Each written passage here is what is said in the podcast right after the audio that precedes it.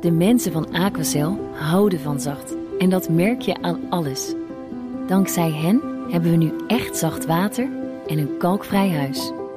Voor hun klanten zijn ze zacht. Dat zijn ze trouwens ook voor elkaar. Voor ons zijn zij de kracht van zacht. Aquacel. 100% zacht water, 100% kalkvrij.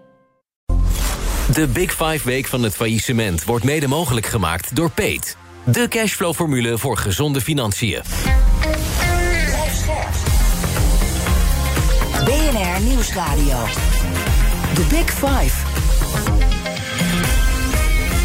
Paul van Liemt. Als ondernemer hoop je nooit failliet te gaan. Toch vallen jaarlijks meer dan duizend bedrijven om. Wat als je droom van een eigen bedrijf uiteenspat? Daar praat ik over met vijf deskundigen in BNS Big Five van het faillissement. We onderzoeken waardoor bedrijven in de problemen komen... en wat de opties zijn als je onderneming bankroet is.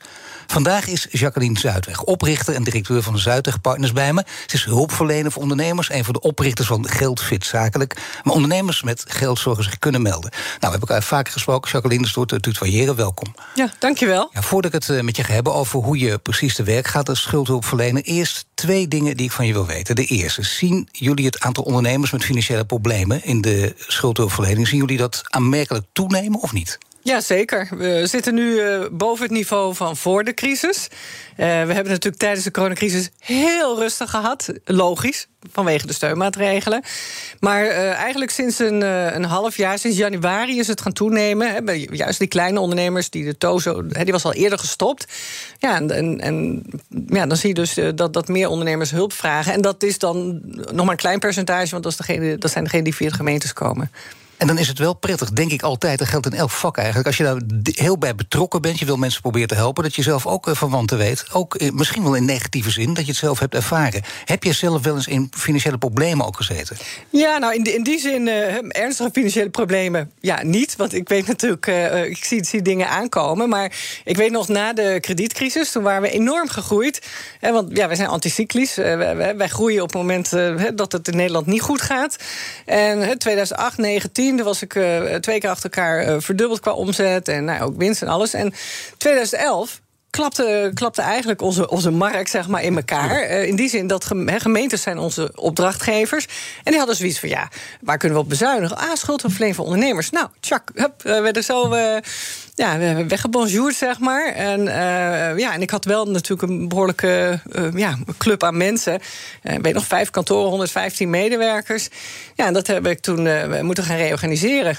ja, en gek genoeg ja, het was een hele leerzame tijd, niet makkelijk. Maar ik had wel een plan. En dat is altijd belangrijk, dat je een plan B hebt. Want natuurlijk, je ziet het aankomen. Het ging wel heel hard. Uh, dat ik dacht van wow, het had wat mij, wat, wat mij betreft wat geleidelijker kunnen gaan. Maar ja, dan moet je gaan reorganiseren. En hoe doe je dat? Ja, dan moet je gaan snijden in de kosten en tering naar de nering zetten. Nou, je zegt al, je kunt iets meer vooruitkijken dan gemiddeld. Je zit er zo dicht bovenop dat schild. Die, die voorsprong en dat geluk heb je. En dan nog kan er van alles misgaan. Maar het is goed, je kunt je behoorlijk verplaatsen in degene die, die dit overkomt. Ja, zeker. En ik doe dit werk al. Uh, ja, op zich ben ik al mee begonnen na mijn afstuderen in 88. En in 94 ben ik dan mijn eenmanszaakje begonnen. He, uh, eigenlijk was ik ZZP'er, maar die termen had je in die tijd nog helemaal nee. niet. En uh, ja, toen ben ik echt die kleinere ondernemers gaan helpen. En, en, toen had je geen wetschuldsanering. Dus niet die drie jaar afloscapaciteit sparen, zeg maar. Nee, dat was gewoon keihard onderhandelen met, met deurwaarders en advocaten. En ja, echt afkopen. Goede leerschool dus ook. Ja, absoluut, absoluut. Maar gewoon vertalen. Uiteindelijk gaat het om uh, vertalen. Kijk, de schuldeisers hebben net zo goed een probleem als de schuldenaar, hè, de ondernemer die niet kan Tuurlijk. betalen. Nou, en als je dat goed vertaalt, ja, dan. dan uh, ik heb een onafhankelijke positie, dat maakt het wat makkelijker. Hè, want je werkt niet alleen in het belang van de ondernemer, schuldenaar, maar ook in het belang van de schuldeiser. Hè, dat is een andere rol als bijvoorbeeld de curator. Hè, die, die werkt in het belang van de boedel, hè, van de schuldeisers. En uiteraard is hij dan nog mega pre preferent. Nou, je bent eerder de, de, mediator in dit geval. Ja, je, je kunt ons meer zien als, als mediator. En dat is een hele mooie rol. Maar goed, je moet, wel uh, veel doen daarvoor. En, en dat vinden we heel mooi. Dan gaat het al sinds de uitbraak van de pandemie over een faillissementsgolf die Nederlandse overspoelen. Is dat dankzij uh, het einde van de steun en de toenemende inflatie nu ook bijna werkelijk zover? Want daar wordt veel over gespeculeerd. Dan vraag ik het ook aan iedereen, omdat iedereen er net iets anders tegen aankijkt. Ja, kijk, het is natuurlijk niet een faillissementsgolf zoals je die heel veel jaren, tientallen jaren geleden uh, wel had. Ook omdat het faillissementsrecht wel veranderd is. Of op zich het recht niet, maar de uitvoering wel.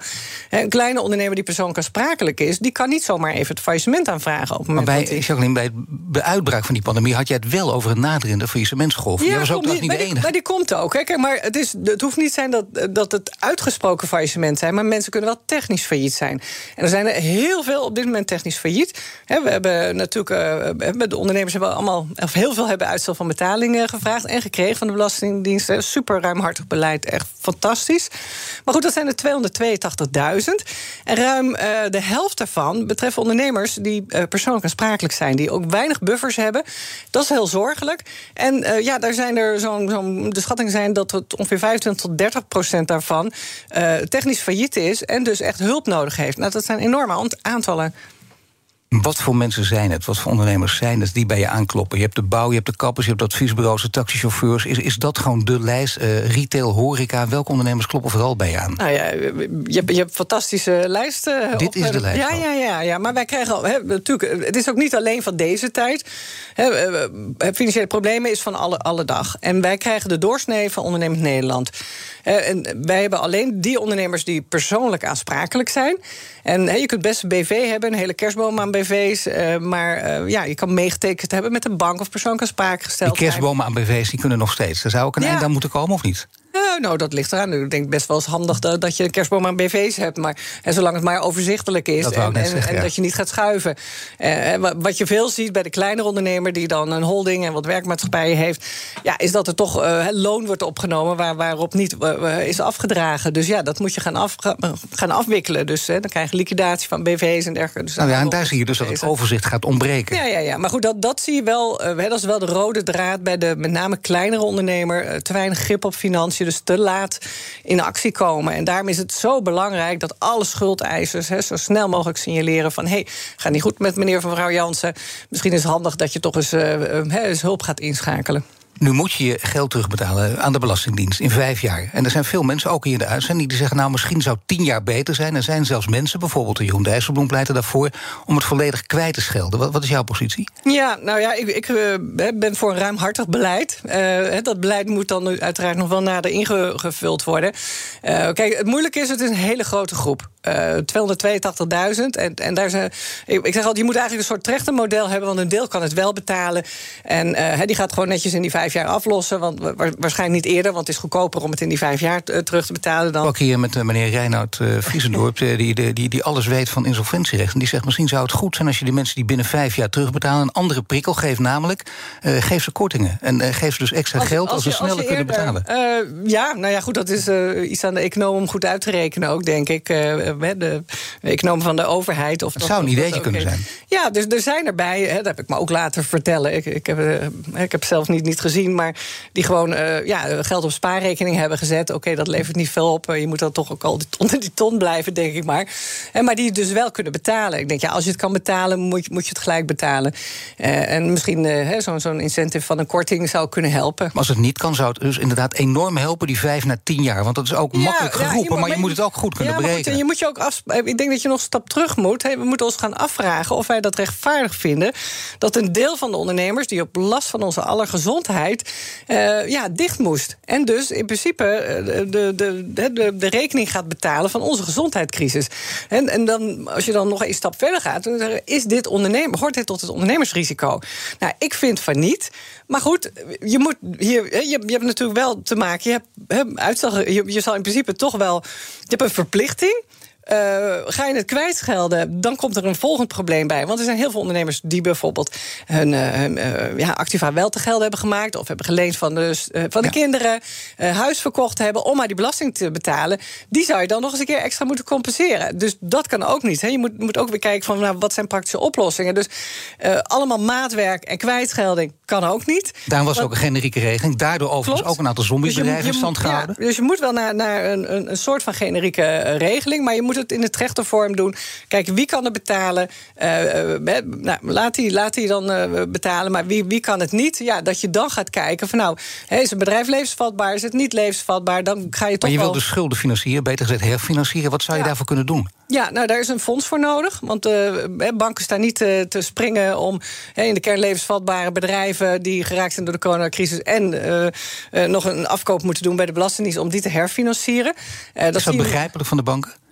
Ja, die zijn natuurlijk die, die zijn commerciële instellingen, dus uh, dat snap ik wel. Kijk, en voor die kleinere ondernemers die persoonlijk aansprakelijk zijn, daar, daar, daar, heb je niet veel voor. Dan kan je in principe naar de gemeente voor een BBZ-krediet, besluitbijstandsverlening zelfstandigen. Dus zo'n fonds is beter, maar wat voor, hoe moet zo'n fonds er dan uitzien? Ja, ik denk dat dat uh, een combi moet worden van uh, publiek en privaat. Dus we zijn daarbij bezig met een aantal partijen. Wie zijn we dan, die partijen? ja, de, de, ook de medeoprichters van Geldwit Zakelijk, de initiatiefnemers. Geldwit Zakelijk, voor duidelijkheid, dat was het voormalige MKB Doorstart. Klopt, MKB Doorgaan. Ja, dit was eerst MKB Doorstart, toen is het MKB Doorstart, Doorgaan geworden. Ingewikkeld, hè? Ja, leuk. Nu geldt fit zakelijk. Ja, nu geldt fit zakelijk. Maar het mooie is dat we daar een hele mooie samenwerking hebben. Dat valt onder de Nederlandse schuldhulproute, om dan nog maar eens een, een term te noemen. maar dat is een initiatief van, de, van alle grote schuldeisers. Uh, denk aan alle banken, verzekeraars, de telecombedrijven, energietoeleveranciers. Eigenlijk alle partijen die wij tegenkomen natuurlijk in de, in de schuldhulpverlening. Die ook allemaal hebben gezegd... En die hebben gezegd, ja, wij, wij willen wat doen voor de groep die kwetsbaar is. En niet alleen de coronacrisis, maar ook, uh, en ook daarna. He, want uiteindelijk, iedereen is erbij gebaat dat hulp uh, aan, aan dat soort ondernemers zo snel mogelijk uh, ja, geboden moet gaan worden. Want dan beperk je de schade. En dan zorg je ook dat zoveel mogelijk onder, ondernemers die wel levensvatbaar zijn, ook door kunnen gaan. Wanneer lukt het om dat fonds ook echt op te tuigen? we zijn er heel druk mee bezig en we hopen het dit najaar ja, toch wel in, in de lucht te krijgen. En we hebben ook ja, de eerste verkende gesprekken ook met de overheid daarover. Maar hier is toch enorm snelheid geboden. Inderdaad. Ja, ja, ja, ja. Daar zitten mensen wel op te wachten. Ondernemers nou, ook. Kijk, we verwachten, eh, we verwachten zeg maar de hoos eh, dit najaar. Uh, op het moment dat je het moet gaan terugbetalen. Maar nog even terugkomen over dat, op dat ruimhartige beleid. Uh, kijk, waar ik voorstander van ben, is, is het makkelijkste is als je er een achtergestelde lening van maakt. Ja. dan kun je eigenlijk gewoon door met je onderneming. He, moet je wel levensvatbaar zijn natuurlijk. He. Je moet wel alles netjes kunnen betalen. Een stukje afloscapaciteit hebben. Maar goed, dat is aan de politiek. De politiek is aan zet. Want de Belastingdienst die voert beleid uit. The Big Five. Paul van Liemt. Mijn gast is Jacqueline Zuidweg, oprichter en directeur van schuldhulpverlener Zuidweg en Partners. Ja, hoe ga je precies te werk als een klant bij je aanklopt? En dat is wel belangrijk ook bij de schuldhulpverlening. We komen op heel veel dingen, over heel veel dingen te spreken hier, denk ik. Het heeft namelijk ook veel met schaamte te maken, maar je moet ook praktisch weten wat er speelt. Dus hoe ga je te werk als, je bij, als een klant bij je aanklopt? Ja, eh, die komt al heel laat bij ons, want wij krijgen de klanten, de ondernemers, de kleine ondernemer, via, uh, via gemeente. Het maar heel laat, dus als je, laten we zeggen, zoals je al eerder zei, technisch failliet bent. Ja, die, uh, het merendeel is technisch failliet. Nou ja, in principe stellen we de vraag. Het belangrijkste is dat je mensen eerst op, op gemak stelt. Want mensen zijn enorm nerveus, hè? ook door die schaamte. Uh, we, voelen, uh, we hebben heel erg sterk gevoel van, van te hebben gefaald. Terwijl het kan iedereen overkomen. En tuurlijk, je kunt altijd wel één oorzaak of twee. Uh, maar goed, niemand is perfect. Een ondernemer mag je leren, zeg ik altijd. Maar het belangrijk is dat er altijd eens een klik is met de, met de ondernemer.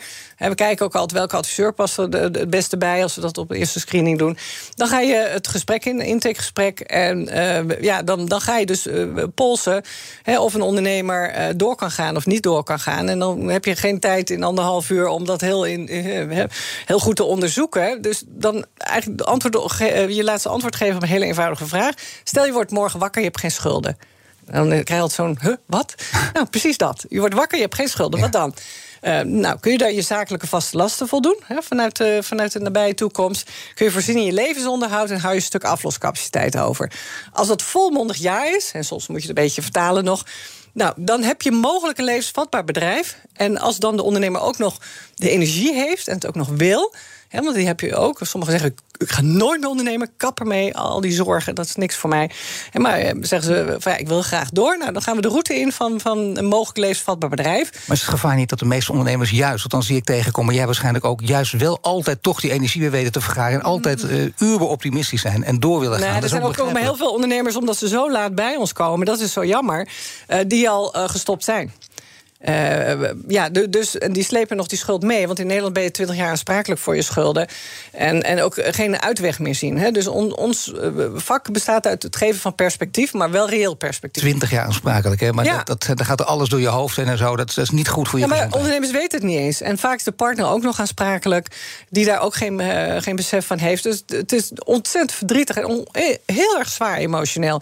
En maar je, je gaat wel kijken van wat is reëel. Want vanuit de mogelijkheden van de toekomst, dan regelen vanwege die financiële ellende van het, van het verleden. En op het moment dat je weer eh, laat zien van waar je naartoe gaat werken, nou, dan ga je dat in stapjes met zo'n ondernemer zo'n traject door. Natuurlijk ga je dat heel goed onderzoeken. Hè, want, want je moet een herfinanciering hebben voor die schuld. Hè. Een schuld van, van gemiddeld 120.000 euro. Ja, die koop je bijvoorbeeld af voor, voor, voor 30 of 40.000 euro. Hoe doe je dat? Want een schuld afkopen, hoe doe je dat precies? Ja, precies zoals ik zeg. Hè. Je hebt die afloscapaciteit. Dat gaat over een periode van drie jaar, telt dat, als je persoonlijk aansprakelijk bent. Hè. Dus ben je een eenmanszaak of uh, aansprakelijk vanuit een vennootschap onder firma. Dan moet je drie jaar je maximale afloscapaciteit inzetten. Nou, daar zijn rekenformules voor, dat doen wij allemaal. Stel je hebt uh, eh, 1000 euro afloscapaciteit per maand. Hè, dat hou je over. Nou, dan heb je in, eh, in, in drie jaar tijd, hè, 36 maanden, heb je 36.000 euro. Dat zetten wij in om die schulden af te kopen. En als de schuldeisers daar niet mee akkoord gaan? Uh, dan kunnen we naar de rechter. Hè, maar het is aan ons om te zorgen om die vertaalslag te maken. Want zo, zo krijgen ze meer dan als meneer of mevrouw Jansen in loondienst gaat. Want dan kan hij misschien maar vijf, uh, eh, 500 euro per maand aan afloscapaciteit hebben. Of nog erger, gaat richting uitkering. Nou, dan heb je bijna niks. Dus uh, het is uit, uiteindelijk, kijk, de schuldeisers, over het algemeen wordt daar heel goed aan meegewerkt. al die grote schuldeisers die kennen hoe wij werken. Dus we, het is aan ons om dat goed te vertalen. En, ja, en uiteindelijk te zorgen dat zo'n schuldenaar, de ondernemer. Ja, de dingen doet die, die daarbij horen. Hè. Maximale afloscapaciteit, dus eh, maximale inspanning. En uh, ja, wij, wij vertalen naar beide kanten. Maar nou gaf je wel aan wanneer mensen bij je komen. Dan zijn ze echt ten einde raad, anders komen ze gewoon niet. En dan wil je ook dus altijd weten, moet ik wel of niet stoppen? Nou, mijn gasten stel ik aan vragen via de kettingvraag. In de vorige aflevering was hier hoogleraar insolventierecht... en advocaat Reinhard Vriesendorp. En die had precies deze vraag voor jou. Zij begeleidt ondernemers. Eh, onder andere, moeten we door, doorgaan of moeten we stoppen? En mijn vraag aan haar is, als zij eigenlijk... Eh, tot de conclusie komt, we moeten stoppen. Van wanneer adviseer je zo'n ondernemer om het eigen faillissement aan te vragen? Of wanneer zoek je naar alternatieven? En wat zijn dan die alternatieven? Ja, daar gaat het over. Ja, ja nou, hele, hele goede vraag. Uh, absoluut. Dus uh, zeer, zeer veel kennis van zaken. Nou, wij gaan altijd uh, in eerste instantie voor die alternatieve route. Omdat, hè, wat ik net al zei, hè, je bent in principe in Nederland 20 jaar aansprakelijk. En een faillissement lost voor een ondernemer die persoonlijk aansprakelijk is niks op. Want als de boedel leeg is, er is niks te halen ja, dan, dan, dan herleeft de faillissementsituatie. Dus dan komen de schuldeisers de volgende dag... na opheffing van het faillissement weer bij jou op de stoep. Zo van, nou, uh, ja, er is niks te halen... maar je bent wel aansprakelijk, nog twintig jaar. Dus uh, daarnaast is het bijna onmogelijk voor kleine ondernemers... om het faillissement aan te vragen. Hè, want je moet aantonen dat er wel wat baat in de boedel zijn. Waarom? Om de kosten van de curator te betalen. Want anders moet de overheid dat voldoen. En de overheid zijn wij uiteindelijk hè, als belastingbetaler. Dus dan, krijg je. Ja, dus is heel goed hè, dat, dat ze dat eh, tegenhouden bij de, bij de rechtbanken. Uh, het is wel als een schuldeiser jouw faillissement aanvraagt. Ja, dan, dan gaat het meestal wel, wel door. Uh, maar uh, ja, zelf kan je het niet doen. Dus wij gaan altijd voor die minderlijke regeling. Dus het onderhandse akkoord sluiten, hè, vertalen jongens, het is niet goed gegaan, maar dit zijn de mogelijkheden van de toekomst. Dit kunnen we aanbieden. En dat is meer dan als je faillissement, eh, faillissement doorzet. Maar nu zeg je ook wel eens tegen ondernemers, en dat hoorde ik ook eh, bijvoorbeeld, eh, de Nederlandse banken mengden zich ook al vrij in de discussie na corona. Ja, dat is jammer, dat is, zo gaat het nu eenmaal, dat kan, het hoort bij het leven, dan moet je gewoon iets anders gaan doen. Dat kwam, die boodschap kwam te hard aan, dat hadden ze nooit zo moeten roepen, maar er zat wel achter iets wat jij af en toe ook wel eens zegt. Je kunt beter stoppen met ondernemen en gewoon in loondienst gaan werken. Maar is dat niet de allerergste boodschap die je aan een ondernemer kan geven? Want dat is nou net de reden dat die ondernemers geworden dat hij niet in loondienst wil werken. Nou, dat, dat ligt eraan, dat moet je natuurlijk gaan toetsen. Kijk, de, de, er zijn ook ondernemers die eh, maar doorgaan met ondernemen omdat de schuld zo hoog is en anders geen oplossing zien. Omdat ze denken, ja, als ik in loondienst ga, dan krijg ik een loonbeslag, een eeuwigdurend loonbeslag voor 20 jaar. Dus waarom zou ik gaan werken?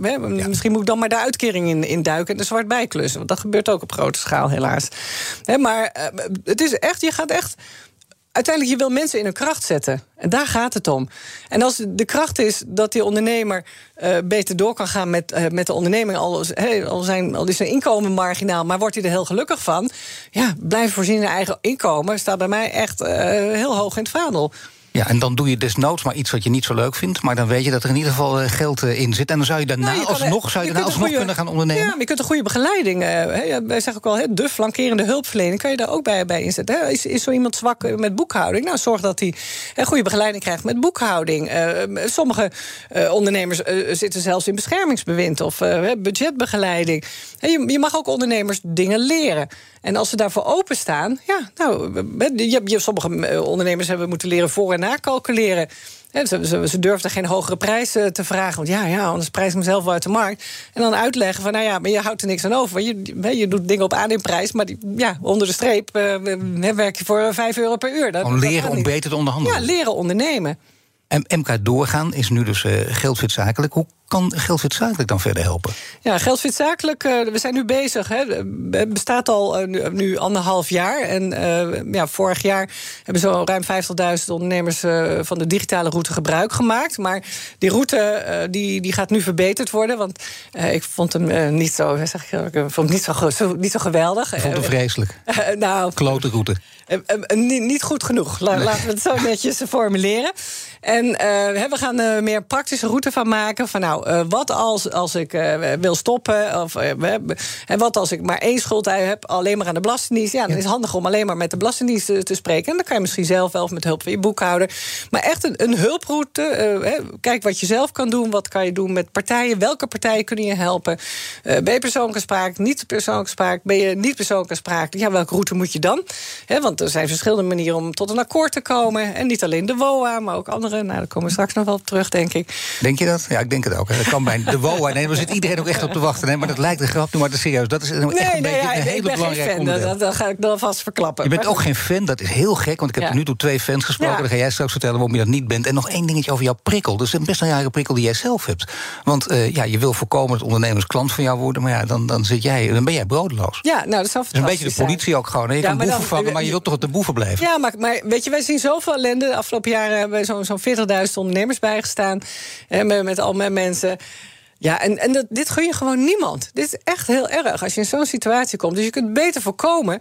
eh, ja, en, en hulp in een heel vroeg Nee, je moet stadium die woorden aanbieden. inderdaad niet snel gebruiken, maar traumatische ervaring. dat Heel ook om erg. me heen bij ja, ja, ja. dit. Maar er zijn ook onderzoeken van geweest. Hè. Ja. Mensen hè, enorme psychische stress ervaren. Het aantal echtscheidingen eh, is veel hoger. Het percentage, eh, percentage dat denkt aan zelfdoding ook.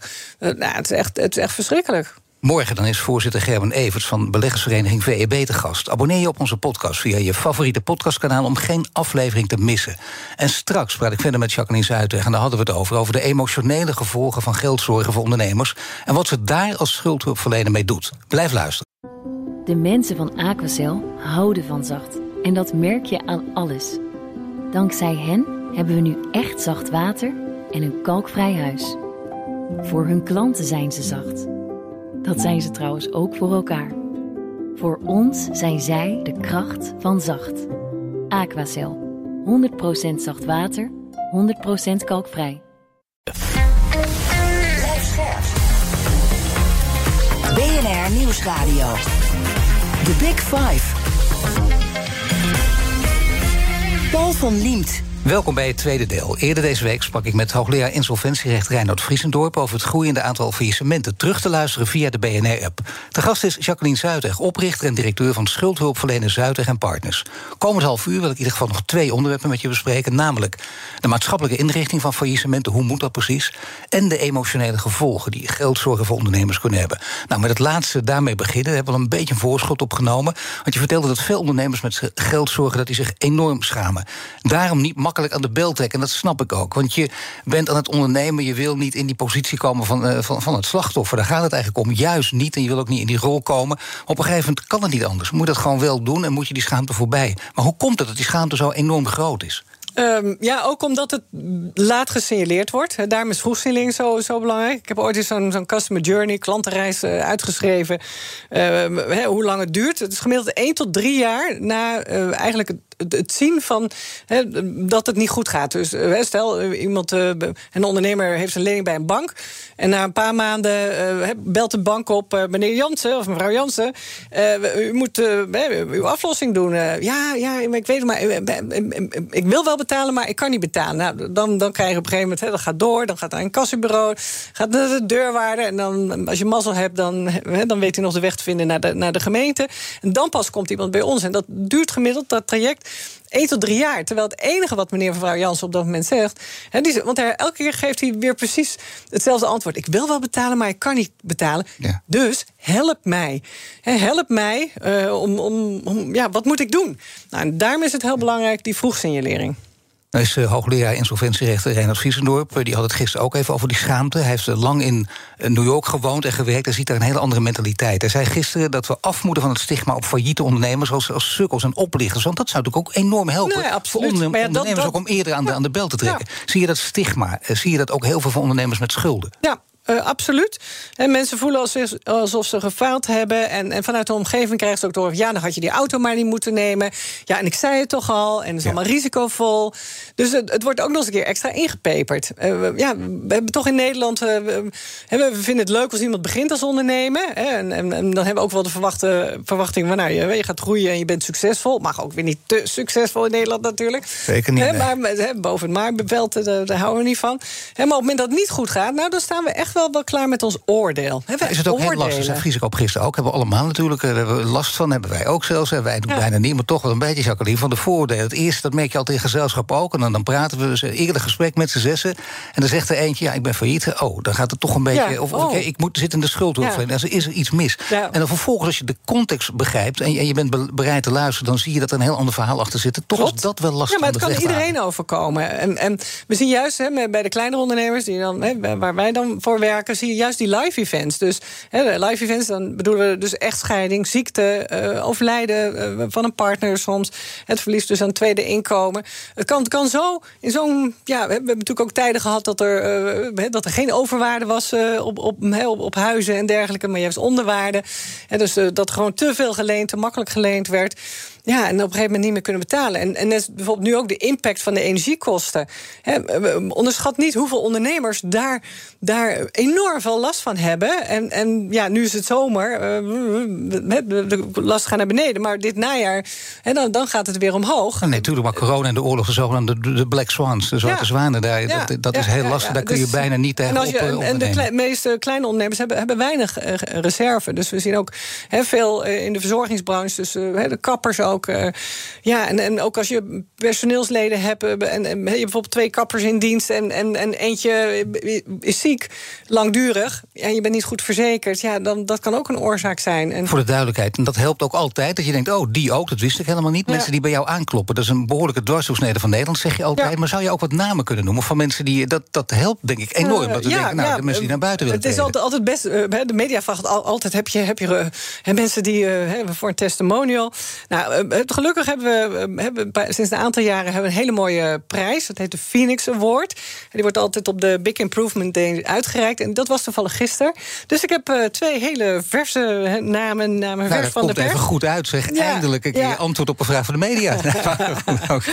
nee, maar echt heel mooi. Dat zijn ondernemers die echt uh, naar buiten zijn gekomen. Hè, en die ook weer uh, zijn opgestaan hè, naar het omvallen, zeg maar.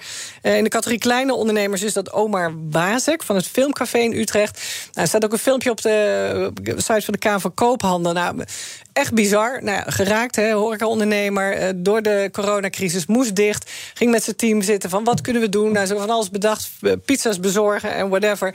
Uh, ja, snijden in de kosten. dus ook in de verzekeringskosten. Vervolgens brandt dat hele filmcafé af. Uh, nou, met het laatste beetje geld is die ondernemer toch uh, ja, weer zijn hart gaan volgen van nou, wat wil ik? En uh, ja, die, die, heeft nu, die is nu eigenaar van de kaasbar in, in Utrecht. Dat moeten we natuurlijk met z'n allen naartoe. maar echt super gaaf. Maar ook hoe, en, en ja, hij heeft ook alweer plannen om het filmcafé opnieuw te.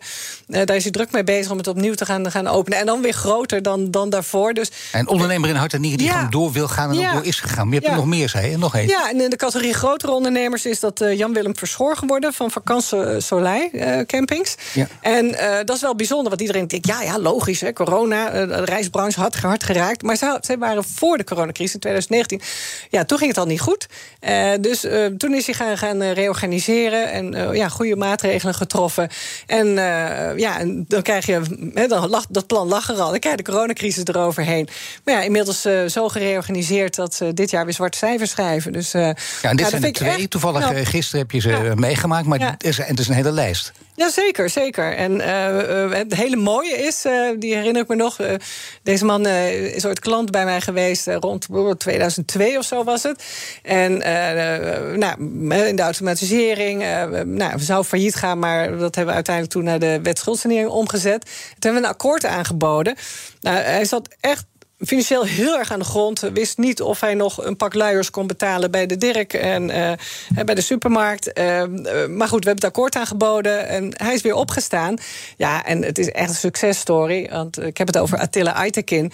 En die is afgelopen voorjaar met zijn bedrijf Orange is hij naar de beurs gegaan. Dus ja. ja. weet je, wat in Nederland of in Amerika kan, kan in Nederland ook. Je kunt eerst geen luiers bij de Dirk betalen en daarna kun je naar de beurs gaan met een nieuw bedrijf. Dat is een hele, hele mooie ontwikkeling. Maar daarvoor afgaand, dan, daar hadden we het over. Die emotionele schade die het, die het eh, bij je teweeg, teweeg brengt. Die had het ook over live events. Dat betekent dus traumatische ervaringen zijn. Dat die je leven ook meegaan. Heel erg is dat. Helpen jullie klanten ook daarmee, met die ervaringen? Ja, uh, zeker. Uh, daar is altijd natuurlijk, we moeten ruimte bieden voor nou, de emoties die, die ermee gepaard gaan. En ja, dat kan heel heftig gaan, heftig aan toegaan. Want wij, wij horen toch regelmatig van, van ondernemers: van ja, ik maak er een eind aan. Ik, ik zie het niet meer zitten. En dan ja, weet je, ik dacht vroeger altijd, mensen die dat zeggen, doen het niet. Nou, dat is dus helemaal niet waar. Want wij hebben onze mensen ook laten trainen door 113 zelfmoordpreventie.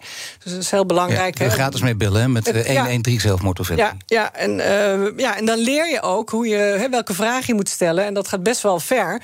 Uh, dan moet je dus ook echt vragen: heb je ook concrete plannen? Nou, ik, ik durf het ook helemaal niet, niet te, te, te, vragen. Dan denk ik van ja, nou ja, dan, dus je moet er echt ook in meegaan. En natuurlijk dan wel kijken: heeft iemand in zijn omgeving die kan helpen?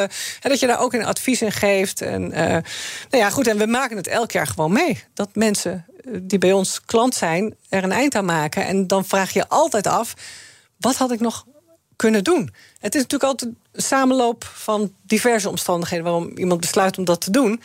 Uh, maar als je het verschil kan maken, dan moet je dat doen. Ja, vooral ook juist zoals je het nu doet. Nee, maar door het ook, het is enorm cliché, maar wel door te doen, door het dus bespreekbaar te maken. Dat is wel heel goed. En inderdaad, het nummer nog één keer te noemen. Gratis bellen 113 zelfmoordpreventie. Dan is er nog iets, verslaving. Dat zie je ook heel vaak bij ondernemers, omdat het dicht bij elkaar zit. Ja. Ik heb er zelf ook met onder, over ondernemers over gesproken. Zeg, je bent ook verslaafd aan het werk bijna, op een goede manier. Maar je bent ook, dan liggen andere verslavingen ook op de loer. Je bent er iets vatbaarder voor misschien dan de gemiddelde mens. Er zijn hele mooie boeken over geschreven. Ik denk dat het ook wel zo dicht bij elkaar ligt. Kom je dat ook vaak tegen? Ja, daar komen we ook meteen enige regelmaat maar wat Doe je dus dan? Uh, gok, nou ja, verwijzen naar, naar bijvoorbeeld de Jelinek. want wij kunnen geen schuldregeling uh, treffen op het moment dat iemand niet stabiel is. Uh, want ja, als jij verslaafd bent, dan gaat daar geld heen. En dat zien we dus ook wel he, na, aan het verloop van de rekening... dat er grote bedragen worden opgenomen, dat iemand gokverslaafd is. Uh, nou ja, het kan aan de cocaïne zijn, uh, nou, van alles nog wat, alcoholverslaafd. Nou, dat ruik je als je, he, dat tijdens coronatijd natuurlijk niet... want dat was allemaal digitaal, maar tegenwoordig hebben we ook weer die live gesprekken. Nou, dan ruik je wel of iemand... nee, dat vroeg, is allemaal duidelijk, ja. Nee, zeker. Ja. Maar, maar dat gokken is inderdaad veel lastiger. Ja. En dat komt ook vrij, relatief vrij vaak voor. Ik zeg het ook omdat ja. dat ook blijkt uit het onderzoeken... dan ja, dat ja, is, dat is veel checken, lastiger. Wij, wij dat willen mensen ook niet toegeven. Nee, nee, nee, maar wij checken natuurlijk de financiën. En, uh, en dan zie je grote bedragen. Ja, dan moeten mensen wel verklaren...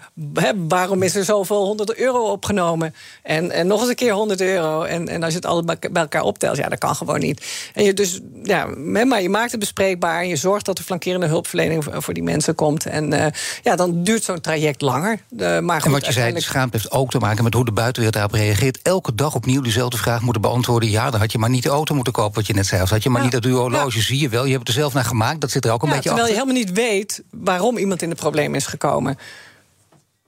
Dus ja, ik vind uh, niet oordelen is heel erg belangrijk. Luisteren, het bieden van een luisterend oor is, is het allerbelangrijkste. En gewoon eens vragen, hoe gaat het nou met jou? En uiteindelijk hopen dat iemand dan ook op een goede manier breekt. En het hele verhaal kwijt wil. En, ja, en dat kan maar, voor maar dat kunnen ook ondernemers, collega-ondernemers bijvoorbeeld zijn. Hè? Want hè, iedereen gaat naar een netwerk en dan... Uh, hoe gaat het met je? Ja, fantastisch. Nou, die ene opdracht. Nou, ho, ho, nou ik ga nu scoren.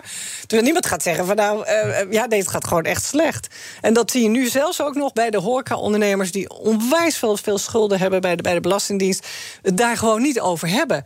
En maar, maar als je doorvraagt, ik bedoel, ik weet natuurlijk hoe ik mag, mag vragen. Plus, hè, ik begin altijd als mensen vragen: wat, wat doe je? Dan zeg ik al, ja, ik zit in de schulden. Nou, dan krijg je gelijk al het schokeffect. Maar hè, ook wel een beetje, een beetje, beetje grappig. En, hè, maar, dan, maar dan vertrouwen ze me ook. Ja, en dan blijkt gewoon van, ja, weet je, ik kan dat echt niet in die vijf jaar terugbetalen.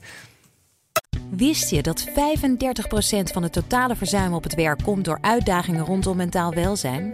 Met de psychologen en lifestyle-experts van OpenUp werken jouw werknemers online via één op één sessies, groepsgesprekken of cursussen aan hun weerbaarheid. Zo zijn jouw teams beter bestand tegen de uitdagingen van het dagelijks leven, thuis en op het werk. Verhoog net als Decathlon, KPN en HelloFresh de weerbaarheid van je werknemers. Ga naar openup.nl slash bedrijven. Let's open up. BNR Nieuwsradio. The Big Five. Paul van Liemt. Je luistert naar BNS Big Five van het faillissement. Morgen praat ik nog met beleggersvoorman Gerben Everts... over de rol van aandeelhouders bij faillissementen. Mijn gast is Jacqueline Zuidweg, oprichter en directeur... van schuldhulpverlener Zuidweg en Partners. Klopt het uh, dat toen je begon, dat is een tijdje geleden... dat zou je bijna niet zeggen, maar 1994 alweer... dat er nog geen degelijke schuldhulpverlener voor ondernemers was in Nederland? Het bestond toen gewoon niet? Nee, dat woord schuldhulpverlening bestond niet Dat heb je eens. zelf bedacht ook? nou, nee, ik, ik, ik, denk het niet. Nee, maar uh, nee, uh, nee, het was gewoon afkopen van schulden. En dat was gewoon not done. En in die tijd had je nog de Nederlandse kredietverzekeringsmaatschappij... Voor de wat oudere luisteraars, de NCM.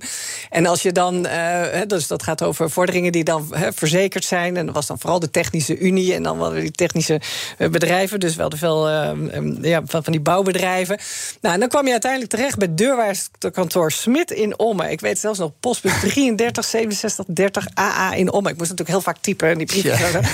En, uh, en die ging altijd voor het faillissement. En uh, nee, mevrouw Zuidweg, we gaan niet afkopen. Ik zeg, maar het heeft geen zin, dat faillissement... want dat wordt weer opgegeven gesprek en baat in boedel. En nee, nee, en we willen minimaal 55% hebben. En, nou ja, en dat heeft... Ik heb wel heel wat uh, robbertjes gevochten, zeg maar, uh, met, met, met die deur. En op een gegeven moment, ja, toen hadden ze ook wel door... van, oh, het heeft echt geen zin om faillissement aan te vragen... want het levert niks op.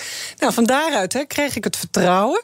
Nou, en toen gingen ze wel meewerken met mijn voorstellen. Dus ja, dat was echt, uh, ja, nog ouderwets on, keihard onderhandelen. En dan dacht ik, oh ja. god, hebben we weer zo'n brief van al die strepen. Ik, oh, ik herken het dan Het meteen. ommen met die postcode, inderdaad. Het ja, is al ook, 28 en ook jaar Redon geleden. we toen heel veel mee. Dus, ja, maar toen, toen in de 98 is de wet schuldsanering natuurlijk personen ingevoerd. Ja, en, en ja, ik was een, een van de, de eerste die hebben waar toen ook bewind voerde. En ik weet nog wel, toen gingen we een akkoord aanbieden. En uh, wij waren de eerste hier bij de rechtbank Amsterdam. En, en, nou, en ik ging dat zo uitleggen. En de rechter, en toen zei de rechter tegen mij... mevrouw Zuidweg, wilt u even naar voren komen? Ik denk, oeh, ik heb iets gedaan. Want de rechter is voor mij toch echt uh, iets heel hoog, zeg maar. Nog steeds. En, uh, en toen ging de microfoon uit en zei... wilt u even uitleggen hoe dit werkt? Want het is voor mij de eerste keer. Dat was echt, oh, ik mag het uitleggen. Nou, het hebben uitleg sowieso. Heeft, heeft het geholpen? Want dat is wel een belangrijke ja. die je nu zegt... dat er ook rechters goed op de hoogte zijn. Zeker, zeker, zeker. Maar het is heel jammer, want de wet schuldsanering wordt heel weinig uh, gebruik van gemaakt. Die is, ja, zoals we dat hier in Nederland goed uh, kunnen. Dat is allemaal dicht geregeld, zeg ik dan. Dus eigenlijk, uh, het is prachtig instrument waar heel veel mogelijkheden voor zijn. Eh, waardoor je eigenlijk een heel mooi akkoord kan uh, aanbieden. Uh, even snel erin en snel eruit met een akkoord. Nou, dat, dat is bijna onmogelijk uh, maar geworden. Het is dicht geregeld, maar kan ja. het openen of is dat, is dat ja, echt, die daar, weg pleit, daar, daar, pleit ik voor. Dat, dat, dat is in principe. Nee, dat snap ik. Maar dat, ja. dat, dat, is dat een theoretisch model of is het ook praktisch haalbaar? Dat is zeker praktisch haalbaar. Maar wie, goed, dan wie, moet wie wel. houdt dat tegen? nou, ik, ik, denk dat dat meerdere partijen zijn. Dat is de invulling van het middelijk traject. We hebben dat zo bedacht. He, natuurlijk jurisprudentie. Uh, die is ontstaan. We vinden ja. ondernemers in de WSNP een risico. Nou, dat hoeft helemaal niet zo te zijn. Op het moment dat je ook een akkoord uh, aanbiedt, dus snel weer uitgaat. Heel veel reden om het niet te doen, maar het kan ja, dus wel. Een beetje maar er, angst, er zeg zijn, maar. Er zijn wel heel veel dingen waarvan je denkt, ja. ja die, die zijn ook een beetje raar misschien wel, of vreemd. Die zouden ook kunnen veranderen. Bijvoorbeeld, eigenaren van, van, uh, van eenmanszaken, die zijn persoonlijk aansprakelijk. Van vennootschappen in, in, in de regel, dan zijn die dat niet. Nou, is dat wel goed dat het zo is of niet? Uh, ja, natuurlijk. Daar hebben we destijds voor gekozen. Maar uh, kijk, ik denk wel dat je, je dat je, he, je moet wel rekening en verantwoording afleggen. En je moet goed ondernemen. het mag niet zo zijn dat iedereen maar in een BV gaat. dat je automatisch beschermd bent en dat je maar erop los kan ondernemen. En dus heel veel schulden kan gaan maken. Dat kan natuurlijk niet. He, er moet wel, wel, je moet wel nou ja, netjes ondernemen. En zeg je maar. twintig jaar lang aansprakelijk blijven. Nee, is, ja, is, dat, dat is, is dat een redelijke termijn of niet? nee, absoluut niet. Kijk, kijk maar eens in het strafrecht. Je moet wel, wel echt heel verschrikkelijk zijn, wil je 20 jaar krijgen. He, natuurlijk is het niet geheel vergelijkbaar, maar um, zo voelen mensen zich wel. Ik heb heel veel ondernemers ook gehad de afgelopen jaren die niet wisten dat je een schuld kon afkopen. Als je maar je maximale af inspanning levert over drie jaar. en moet de schuld uiteraard problematisch zijn. maar gewoon maar die 20 jaar uitzitten. Wat zou je willen? Wat zou een redelijke termijn zijn? Een paar van 20 jaar? Of echt veel korter? Drie of vijf jaar? Nou, die drie jaar, dat, dat is dus gespiegeld aan die wet schuldsanering. Ja. Dat is een hele mooie regel. Maar dan houdt ook in dat, dat de hulp aan de ondernemer eerder gesignaleerd moet worden. En dus ook duidelijk eh, moet worden dat je die schuld kan afkopen. En dat je niet 20 jaar aansprakelijk hoeft te zijn. Dat zou een enorme verandering teweeg brengen. Dat zou ook heel veel opluchting teweeg brengen. Maar is het ook betaalbaar? Dat is zeker. Maar ja, dat mensen is, kunnen ook om verkeerde ja, maar kijk, prikkels- hoe eerder je erbij bent, hoe, hoe minder je hoeft te doen. En het is natuurlijk ook bijvoorbeeld. eh, je zou bijvoorbeeld ook iets kunnen doen bij de Belastingdienst. En de Belastingdienst die signaleert dat jij op een gegeven moment geen aangifte doet en, je, en die legt een ambtshalve aanslag op. Die kan ook een signaal afgeven. Van, heb- heeft u problemen met de boekhouding of boekhouder? Hè, kijk naar gratis initiatieven binnen uw gemeente eh, b- hè, voor hulp bij boekhouding. Om maar te voorkomen dat die schuld onnodig groot wordt. Dus zo zijn er best wel, wel dingen te bedenken. waardoor je voorkomt dat iemand te lang doorgaat. en het gewoon ook niet meer ziet zitten. En, En zou het voor de. Belastingdienst zelf ook niet helpen? Want die krijgen ook steeds meer op hun bord, zoals we nu inmiddels allemaal weten. Dus ook op dit gebied zijn ze voldoende geëquipeerd om dit allemaal heel goed en zorgvuldig en snel Ja, af te handelen? Kijk, de, de Belastingdienst voert beleid uit. Die mag heffen en innen. Dat is de taak van de Belastingdienst. Zo hebben wij die bedacht. En, en als dingen anders moeten, ja, dan, moet dat, dan is toch de politiek aan zet. Dus ik denk dat het belangrijk is eh, dat je gaat kijken... Wat, wat wil je bij ondernemen. Kijk, vroeger moest je een middenstandsdiploma halen. Hè, er zaten wat eh, basisvaardigheden, moest je over beschikken. Nou, dat is helemaal losgelaten. Ondernemerschap moet je natuurlijk ook verankeren in het onderwijs. Ik ben jarenlang bestuurslid geweest van Jong Ondernemen... Stichting Jong Ondernemen. En, ehm, leer ook over belastingen. Ik hoorde to- toevallig laatst iemand een verhaal vertellen. Ja, mijn, mijn zoon zegt van ja, ik, weet, ik heb helemaal niks geleerd over belastingen. En ik wil graag ondernemen. En ik heb zoveel geleerd, zoveel onzinnige dingen geleerd eh, op school... maar niet datgene wat ik zo meteen Zou je toch nodig heb. een vak als economie 1 en 2 misschien kunnen laten vallen? En is er nog iets, namelijk eh, de WOA. Daar moeten we het echt even over hebben. Heel Ja. technisch wel een belangrijk verhaal. En ook een flinke ruzie die het oplevert. Daar denken mensen heel anders over. De wet homologatie onderhandsakkoorden. Wat een geweldige afkorting. En daardoor kunnen ondernemers in zwaar weer... die kunnen samen met de rechter makkelijker een schuldsanering afdwingen. En toen zijn er mensen aan de ene kant die zeggen... dat is heel goed, zijn heel veel partijen bij elkaar. Eindelijk hebben we het voor elkaar gekregen. Het is geweldig dat het bestaat. En anderen zeggen, nee, het is echt een typisch een Zuidas dingetje. Voor grote eh, ondernemers is het goed, voor de kleine helpt het niet. Ja. Wat is jouw positie? Nou, precies wa- wat jij nu formuleert. Jij voor grote Zuidas onderne- dingetje? Ja, kijk, eh, om, omdat voor die kleine ondernemers is het, is het niet nodig. Wij, wij kunnen het middelijk traject kunnen wij prima uitvoeren. Het enige wat daar ontbreekt is een goede financiering. En, en nu hebben ze bedacht dat er een, een extra financiering eh, in het leven is geroepen voor de, voor het BOA-akkoord. Dat heet het TOA-krediet. Alleen, daar mag je alles mee financieren, behalve de afkoop van de schulden. En wat bedoel ik met alles financieren? De griffiekosten en andere kosten die er bij, bij de uitvoering van de WOA... eh, de herstructureringsdeskundigen... die mag je mee financieren vanuit het TOA-krediet... maar de afkoop niet. Dus stel, eh, je hebt 50.000 nee, maar ik- euro nee, ik nodig... snap het. Maar toch blijkt het wel te werken. Dat zijn namelijk hoogleraar insolventie Reinhard Vriesdorp. Jij zei nog, hè, toen hij de vraag stelde, goed op de hoogte... die man weet precies waar hij het over heeft. Ja. Die zei dat WOA een uitkomst is voor MKB's financiële problemen. Kijk naar de eerste zaken die gevoerd zijn. Er zitten heel veel kleine ondernemers bij. Ja, maar dat zijn kleine ondernemers die waarschijnlijk eh, een externe partij hebben weten te vinden eh, om, om die financiering daarvoor te regelen. Maar dat, dat Maar dat zijn de uitzonderingen. Oh, dat zijn- ja, zijn dat dat zijn absolute uitzonderingen. Zeker weten. Dus je zegt, het is, het is een goede regeling... maar maak alsjeblieft, een, althans voor grote bedrijven... maar maak er voor MKB'ers een aparte regeling voor. Nou, in ieder geval, eh, het, kan, het kan simpeler. Het is niet nodig, eh, in mijn beleving. Want je, hebt, eh, je zou in principe het akkoord in WSP... zou je weer in het leven kunnen, kunnen roepen, het mogelijk, mogelijk maken. Maar heel belangrijk is passende financiering erbij. Mijn gasten stellen elkaar vragen via de kettingvragen. Jij mag een korte, bondige vraag stellen aan de volgende gast. Dat is Gerben Everts, voorzitter van beleggersvereniging VEB... voormalig accountant en toezichthouder. Wat wil jij dan vragen? Eh, ja, vertegenwoordigen natuurlijk eh, vooral de wat grotere bedrijven. Want er zijn aandeelhouders bij gemoeid. Ehm, de 282.000 ondernemers hebben uitstel van betaling gekregen van de Belastingdienst. Waaronder ook grote bedrijven. Dus mijn vraag is: maken on- eh, aandeelhouders zich- zich zorgen over de terugbetaling?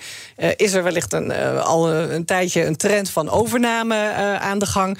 En als ze zich zorgen maken, en ik denk dat ze zich zorgen maken, want ik las vanochtend ook dat er bij eh, een groot bedrijf weer gereorganiseerd moet gaan worden, dat de recessie mogelijk eraan komt. Maar ik ben benieuwd wat zij al meekrijgen van de zorgen van aandeelhouders. Ik dank je, Jacqueline Zuidweg, oprichter en directeur van schuldhulpverlener Zuidweg en Partners. Alle afleveringen van BNS Big Five zijn terug te luisteren. Abonneer je op onze podcast via onze app of je favoriete podcastkanaal om geen aflevering te missen. En nu Iwan Verrips met BNR Breed. Dag. De Big Five Week van het faillissement wordt mede mogelijk gemaakt door Peet. De cashflow-formule voor gezonde financiën. Wist je dat 35% van het totale verzuim op het werk komt door uitdagingen rondom mentaal welzijn? Met de psychologen en lifestyle-experts van OpenUp werken jouw werknemers online via één op één sessies, groepsgesprekken of cursussen aan hun weerbaarheid. Zo zijn jouw teams beter bestand tegen de uitdagingen van het dagelijks leven, thuis en op het werk. Verhoog net als Decathlon, KPN en HelloFresh de weerbaarheid van je werknemers. Ga naar openup.nl/slash bedrijven. Let's open up!